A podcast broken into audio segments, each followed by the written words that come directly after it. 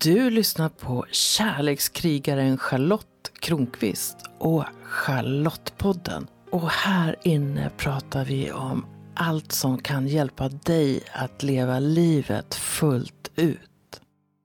När jag säger skuld, vad tänker du då? Bara fundera på det innan jag säger någonting mer. Skuld, vad är det för dig? Det kan ju såklart handla om något så enkelt som att du har lånat pengar eller någonting av någon annan och du är skyldig den något, då står du i skuld till den personen. Och de allra flesta står ju också i skuld till banken för bostaden som de bor i. Men skuld har också en annan aspekt. Det kan vara känslan av att göra fel. Och då handlar det om att du säger eller gör något i förhållande till någon annan och känner dig skyldig. Eller så skuldbelägger du någon annan, pekar finger mot dem och säger det är ditt fel. Och jag tycker att det här med skuld är väldigt intressant. För du kan ju fundera på om det går att skylla något på någon annan är det ens fel att två träter? Det jag har lagt märke till genom livet det är att vi kan ha olika strategier när det gäller skuld. En del har en tendens att regelmässigt ta på sig skuld och jag är ofta en sån person.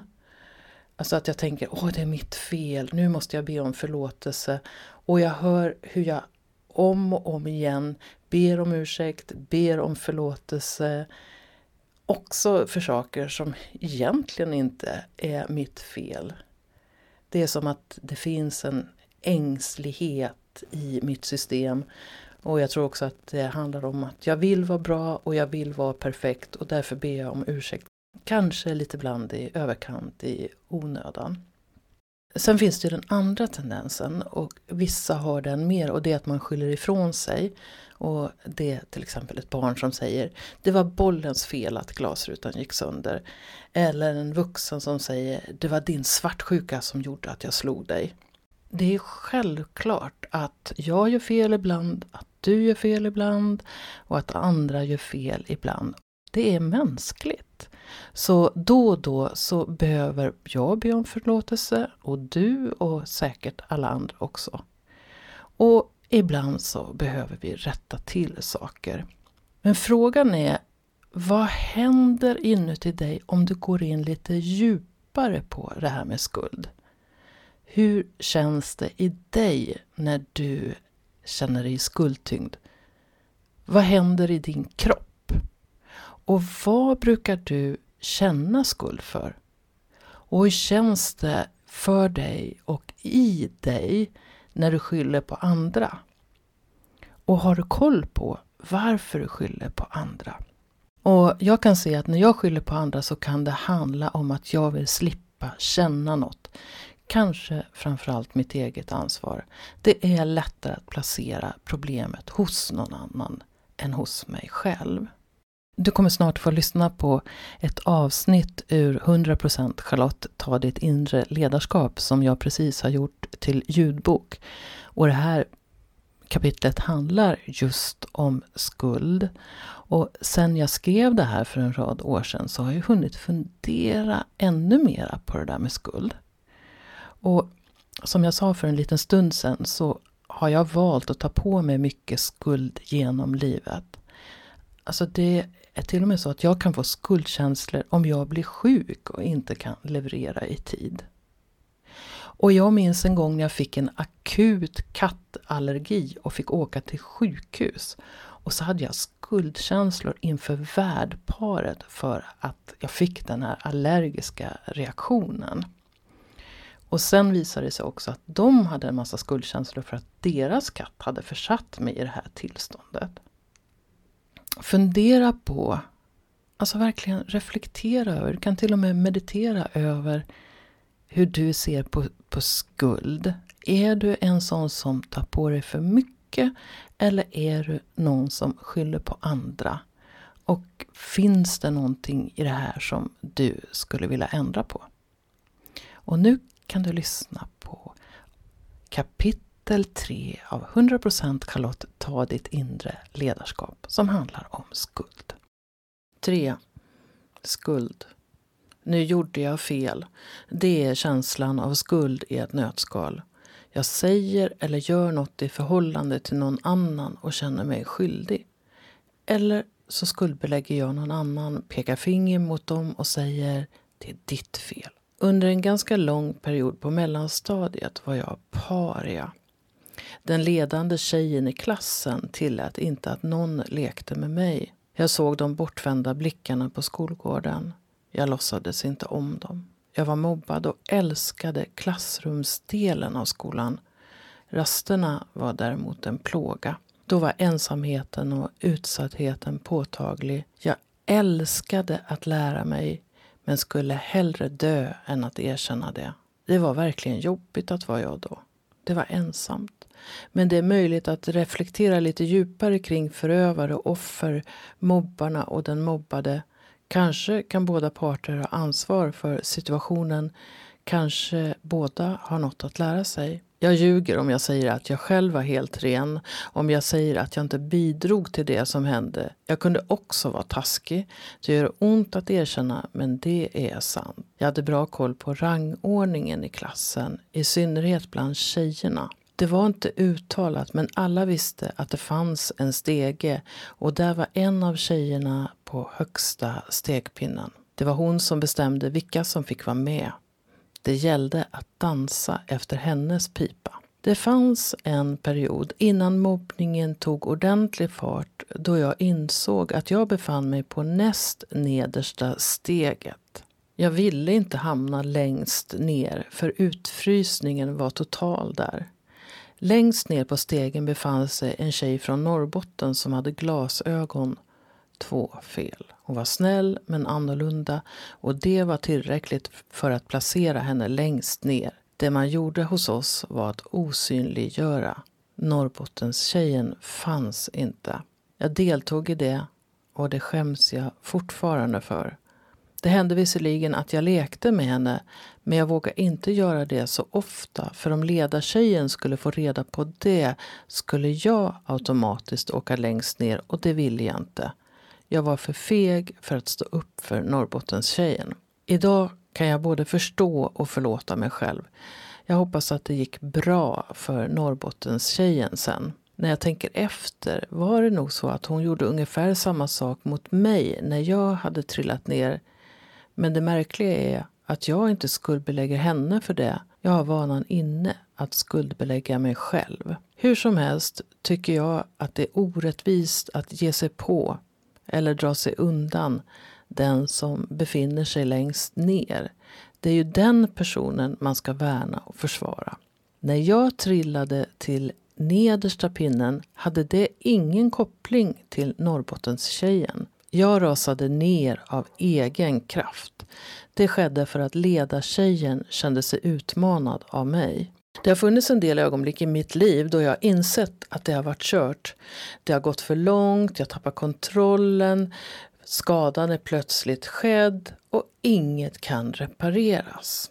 Episod. Det är kört. Jag är 11 år och sitter i en av gungorna bakom Folkets hus. Det är gungor gjorda av bildäck och egentligen är jag alldeles för gammal för att sitta där det finns två gungor och jag sitter i den ena. Då kommer ledartjejen med två kompisar. Hon säger till mig att jag ska kliva ur min gunga för att hon vill gunga. Jag svarar nej, jag vill gunga klart. Detta är the point of no return. Hade jag klivit ur gungan då kanske jag hade haft en lättare tid under mellanstadiet men jag fattade inte det då. Jag sitter kvar. Jag fortsätter gunga. Jag var här först och hon har inte rätt att bestämma. Hon drar mig upp ur gungan för att ta den. Jag försvarar min plats. Vi börjar slåss en liten bit ifrån gungorna. De andra står och hejar på ledartjejen. Jag är ensam i världen. Jag slåss för mitt liv. Det känns som att det är tre mot en även om det de facto bara är ledartjejen och jag som slåss. Jag är i slagsmålet. Jag uppfattar hur hon sliter och drar och slår mig och jag försvarar mig så gott jag kan. Plötsligt hör jag min pappas röst. Vad är det som pågår här? Jag trodde det var två katter som slogs. Slagsmålet avbryts och jag går moloken hem. Dagen efter skäms jag fruktansvärt. I min familj slåss vi inte. Mamma och pappa brukar säga när argumenten tryter tar man till knytnävarna. Det är det lägsta. Nu är jag en låg varelse. Jag tar mig till skolan och jag ser till att komma senare än vanligt. Det är så jobbigt att vi har slagits. När jag kommer fram ser jag en stor ring på skolgården. I dess centrum står ledartjejen. Jag går närmare och hör henne beskriva slagsmålet. Hon säger att jag har dragit stora tussar ur hennes hår. Jag är förövaren. Hon är offret. Jag vet att det är kört. Jag försöker inte ens försvara mig. Då blir det bara värre. Så börjar osynliggörandet. Jag är paria. Så börjar osynliggörandet. Jag är paria. Jag accepterar rollen för jag vet inte hur jag ska kunna försvara mig. Vad jag än säger kommer ledartjejen att demonisera mig. Jag har förlorat. Det är mitt eget fel. Din läxa. I vilka situationer känner du skuld? Den där episoden som hände för så länge sedan, ungefär 50 år sedan faktiskt, kan fortfarande göra ont i mig. Det där att bli utesluten ur gemenskapen.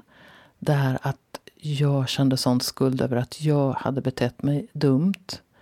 Och också att se att den andra flickan var väldigt duktig på att skylla allt det som hände på andra.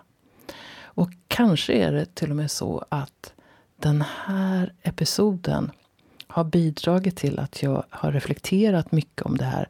Så, så här långt efteråt så kan jag känna viss tacksamhet för att slagsmålet hände och för att jag har fått reflektera över det och i slutändan blivit en kärlekskrigare. Du som lyssnar på Charlottepodden vet ju att jag är en kärlekskrigare och att jag håller på med lekfull tantra. Och på min hemsida så kan du se massor med information om det. charlottekronqvist.org. Och du ska veta att du kan ha nytta av mig på fler sätt än genom lekfull tantra. Jag erbjuder också coaching och sessioner som handlar om relationer, om kärlek, om livet och om sexualitet. Så välkommen till mig när du har behov av en lekfull och positivt inriktad coach som jag är. Kom ihåg att prenumerera på Charlottepodden så att du är med när nya avsnitt kommer. För vem vet vad du kan få lära dig om livet i det avsnittet. Rekommendera gärna podden till en vän så är du med och sprider vetskap om att den här podden finns och berätta vad den ger just dig. Jag skulle bli så glad om du också går in i din podcast-app och lämnar en kommentar eller skriver en recension av podden. Ju fler som gillar podden öppet desto fler kommer också att hitta den.